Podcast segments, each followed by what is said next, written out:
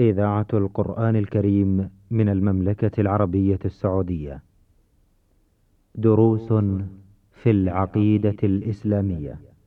برنامج من إعداد فضيلة الدكتور صالح بن عبد الرحمن الأطرم. تقديم فهد بن عبد العزيز السنيدي. بسم الله الرحمن الرحيم. الحمد لله رب العالمين. والصلاة والسلام على أشرف الأنبياء والمرسلين نبينا محمد وعلى آله وصحبه أجمعين. إخوتنا المستمعين الكرام السلام عليكم ورحمة الله تعالى وبركاته أسعد الله أوقاتكم بكل خير وأهلا ومرحبا بكم إلى درس جديد ضمن دروس العقيدة. مع مطلع هذا اللقاء يسرنا أن نرحب بفضيلة الشيخ صالح بن عبد الرحمن الأطرم فأهلا ومرحبا بكم يا شيخ صالح. حياكم الله ووفق الله الجميع لما يحب ويرضى. حياكم الله. لا زلنا أيها الإخوة المستمعون الكرام نتحدث حول هذا الكتاب المبارك كتاب التوحيد للإمام المجدد العلم محمد بن عبد الوهاب قدس الله روحه ورفع منزلته في عليين وأكرمنا بالجمع معه في منزلة عالية يوم نلقاه وإياكم والمسلمين. توقفنا عند حديث سهل بن سعد رضي الله تعالى عنه. أن رسول الله صلى الله عليه وآله وسلم قال يوم خيبر لأعطين الراية غدا رجلا يحب الله ورسوله ويحبه الله ورسوله يفتح الله على يديه فبات الناس يدوكون ليلتهم أيهم يعطاها؟ فلما أصبحوا غدوا على رسول الله صلى الله عليه وآله وسلم كلهم يرجون أن يعطاها. فقال أين علي بن أبي طالب؟ فقيل هو يشتكي عينيه فأرسلوا إليه فأتي به فبصق في عينيه ودعا له فبرأ كأن لم يكن به وجع فأعطاه الراية فقال انفذ على رسلك حتى تنزل بساحتهم ثم ادعهم إلى الإسلام وأخبرهم بما يجب عليهم من حق الله تعالى فيه فوالله لأن يهدي الله بك رجلا واحدا خير لك من حمر النعم ومعنى يدوكون أي يخوضون. هذا الحديث المبارك نود أن نتحدث عنه مع الإشارة إلى مقصود المؤلف رحمه الله تعالى في إراده في هذا الباب فضيلة الشيخ. بسم الله الرحمن الرحيم. الحمد لله والصلاة والسلام على رسول الله وعلى آله وصحبه ومن اهتدى بهداه. مقصود المؤلف من إرادة بحديث سهل رضي الله عنه وأرضاه. نعم. يظهر بالإشارة لما قبله. نعم. فإنه تحت عنوان باب الدعاء إلى شهادة أن لا إله إلا الله. ثم استدل بثلاثة أدلة في آية وحديثين. نعم.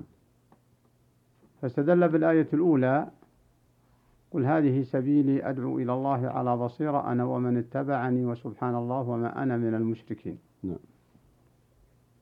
هذه الآية التي أشارت إلى شروط صحة الدعوة إلى الله. نعم. الإخلاص والمتابعة والعلم والتنزه وتنزيه الله من الشرك. الله أكبر. ثم استدل بحديث معاذ على أولوية الدعوة. بماذا يبدأ في الدعوة؟ وما هو أول شيء؟ وبلا شك أنه يبدأ بالأهم. فالأهم. فأهم الدعوة وحقيقة الدعوة إلى توحيد الله. وإلى شهادة أن لا إله إلا الله. وكلا اللفظين ورد في الحديث. لهذا في حديث معاذ كما سبق في رواية فليكن أول ما تدعوهم إليه شهادة لا إله إلا الله وفي رواية لأن يوحدوا الله. نعم. فدل هذا على أن أول ما يدعى له توحيد الله وأنه مهما دعا بخصل من خصال الإسلام قبل الدعوة إلى الشهادتين فإنه مخالف لطريق الرسول عليه الصلاة والسلام. اللهم صل وسلم. وفي الروايتين دلالة على أن توحيد الله هو معنى شهادة لا إله إلا الله فشهادة لا إله إلا الله تقضي بإفراده بالعبادة وأنه الواحد الأحد الفرد الصمد وأما حديث سهل نعم. رضي الله عنه وأرضاه فأورده المؤلف من أجل بيان فضل الدعوة إلى الإسلام. ولهذا الشاهد لقوله عليه الصلاة والسلام لعلي ثم ادعهم إلى الإسلام. فوالله لأن يهدي الله بك رجلا واحد فصار هذا عقيدة أن أول ما يدعى له شهادة لا إله إلا الله. وثانيا أنها أفضل ما يدعى له وأفضل طريق. والله لأن يهدي الله بك رجلا واحد. والسبب أنها هي المفتاح وأنه مهما أتى أي إنسان بجميع الخصال قبل أن يفرد الله بالعبادة فإنه مردود عليه. فهذا الحديث وما قبله وغيره من النصوص كلها تدل على هذه الحقيقة. واقتصار المؤلف على ثلاثة على ثلاثة نصوص لدلالة كل نص على معنى من المعاني. نعم. وإلا فالأدلة على وجوب توحيد الله والبدء بالشهادة والبدء بشهادة لا إله إلا الله كثيرة جدا من القرآن والسنة. نعم. فضيلة الشيخ لعلنا نقف بعض الوقفات مع هذا الحديث المبارك. نعم. أولا هذا الحديث كان في أه، غزوة خيبر. نعم. وكان علي رضي الله تعالى عنه لم يصحب النبي صلى الله عليه وآله وسلم. لذلك لما سأل عنه أخبروه في بعض الروايات أن به رمد. فبعث إليه النبي عليه الصلاة والسلام من يحضره فأتى بعد صلاة قيل إنها صلاة الفجر. الحقيقة هناك لفتة أود من فضيلتكم الوقوف معها. ألا وهي أنه في هذا الحديث وردت ألفاظ أه، تستحق الوقوف. قول الصحابة رضي الله تعالى عنهم أو قول الراوي فبات الناس يدوكون ليلتهم. فانظر إلى هذا اللفظ. كيف أن الناس باتوا تلك الليلة يخوضون يهتمون كل شخص يود أن يكون هو صاحب تلك المزية. ليس صاحب الراية أو صاحب الإمرة وإنما صاحب المزية يحبه الله ورسوله ويحب الله ورسوله. حتى أثر أن عمر رضي الله تعالى عنه يقول ما أحببت الإمرة في حياتي إلا يومئذ. رضي الله عنهم جميعا. وفي هذا لفتة في التسابق إلى الخير التي نحن بحاجة إليها في مثل هذه الأوقات والمجتمعات. هذا فيه فوائد عظيمة. الله أكبر. منها ما قد نستحضره نعم. ومنها ما قد يغيب عنا ومنها ما يفهمه غيرنا. فمما ذكر الشيخ رحمة الله عليه في مسائله نعم. أن فيه الإيمان بالقدر. ولأن الصحابة لما أن الرسول عليه الصلاة والسلام قال لا أعطين الراية غدا رجل يحب الله ورسوله ويحب الله ورسوله كلهم تشوفوا الله أكبر. وكلهم يرجو أن يعطاها رضي الله عنه. فلما أنه لم ير علي سأل عنه. هذا وجه الإيمان بالقدر. ولا يمنع الإيمان بالقدر من فعل السبب. من فعل السبب. نعم الله أكبر. ولكن لا أيضا لا لا يتكل على السبب. نعم. فلا يريد السبب وحده ولا يترك فعل السبب. و والإيمان بالقدر من أجل أن يطمئن الإنسان ويطمئن المؤمن. يطمئن هذا قضاء الله وقدره وفعله نعم. السبب لئلا يندم.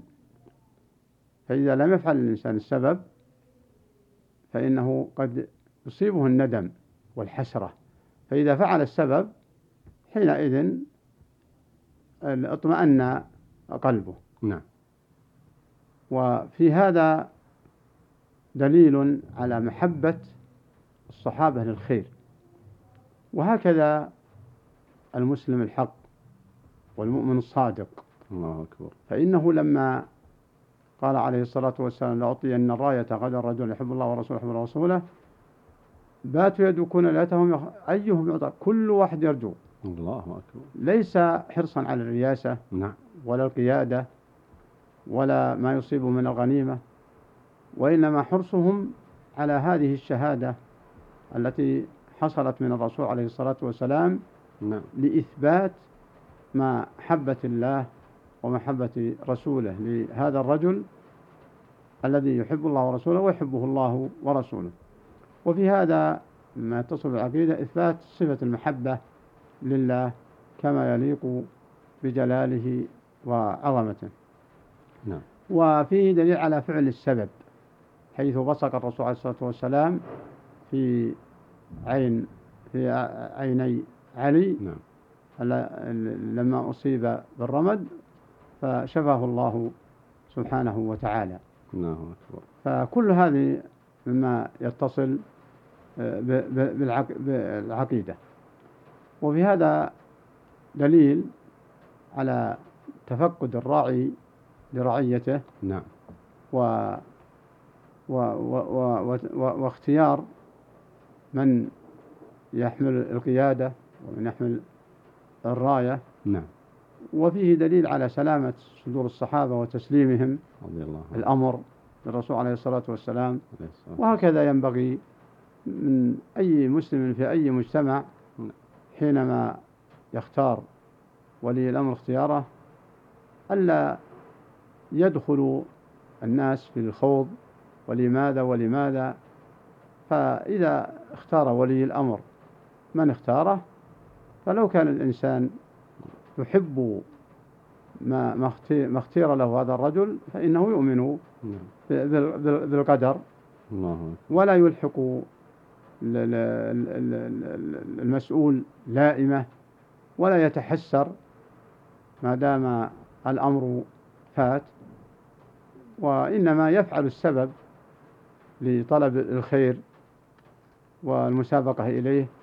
هذا كله مما يتصل نعم. بالعقيدة فإن تحسر الإنسان نعم. على ما فاته فقد حل أخل نعم. بعقيدته وإن دخل في التسويف والتماس الأغراض وأهداف لماذا اختير هذا ولماذا اختير هذا فقد دخل بما لا يعنيه مم. فلربما يصل إلى أن يعترض على القضاء والقدر خصوصا أن اختيار النبي عليه الصلاة والسلام لعلي كان اختيارا موفقا بلا شك لأنه كان حقيق بهذه الراية. وتزكية النبي عليه الصلاة والسلام لعلي كانت تزكية في محلها اختيار الرسول عليه الصلاة والسلام بلا شك ولا ريب. نعم نعم. ولكن أيضا نستفيد من هذه الفوائد لأنه إذا عداك القدر باختيار الرئيس أو باختيار القائد أو باختيار ولي الأمر أو باختيار آه، سبب آخر لا يكون شأنك التحسر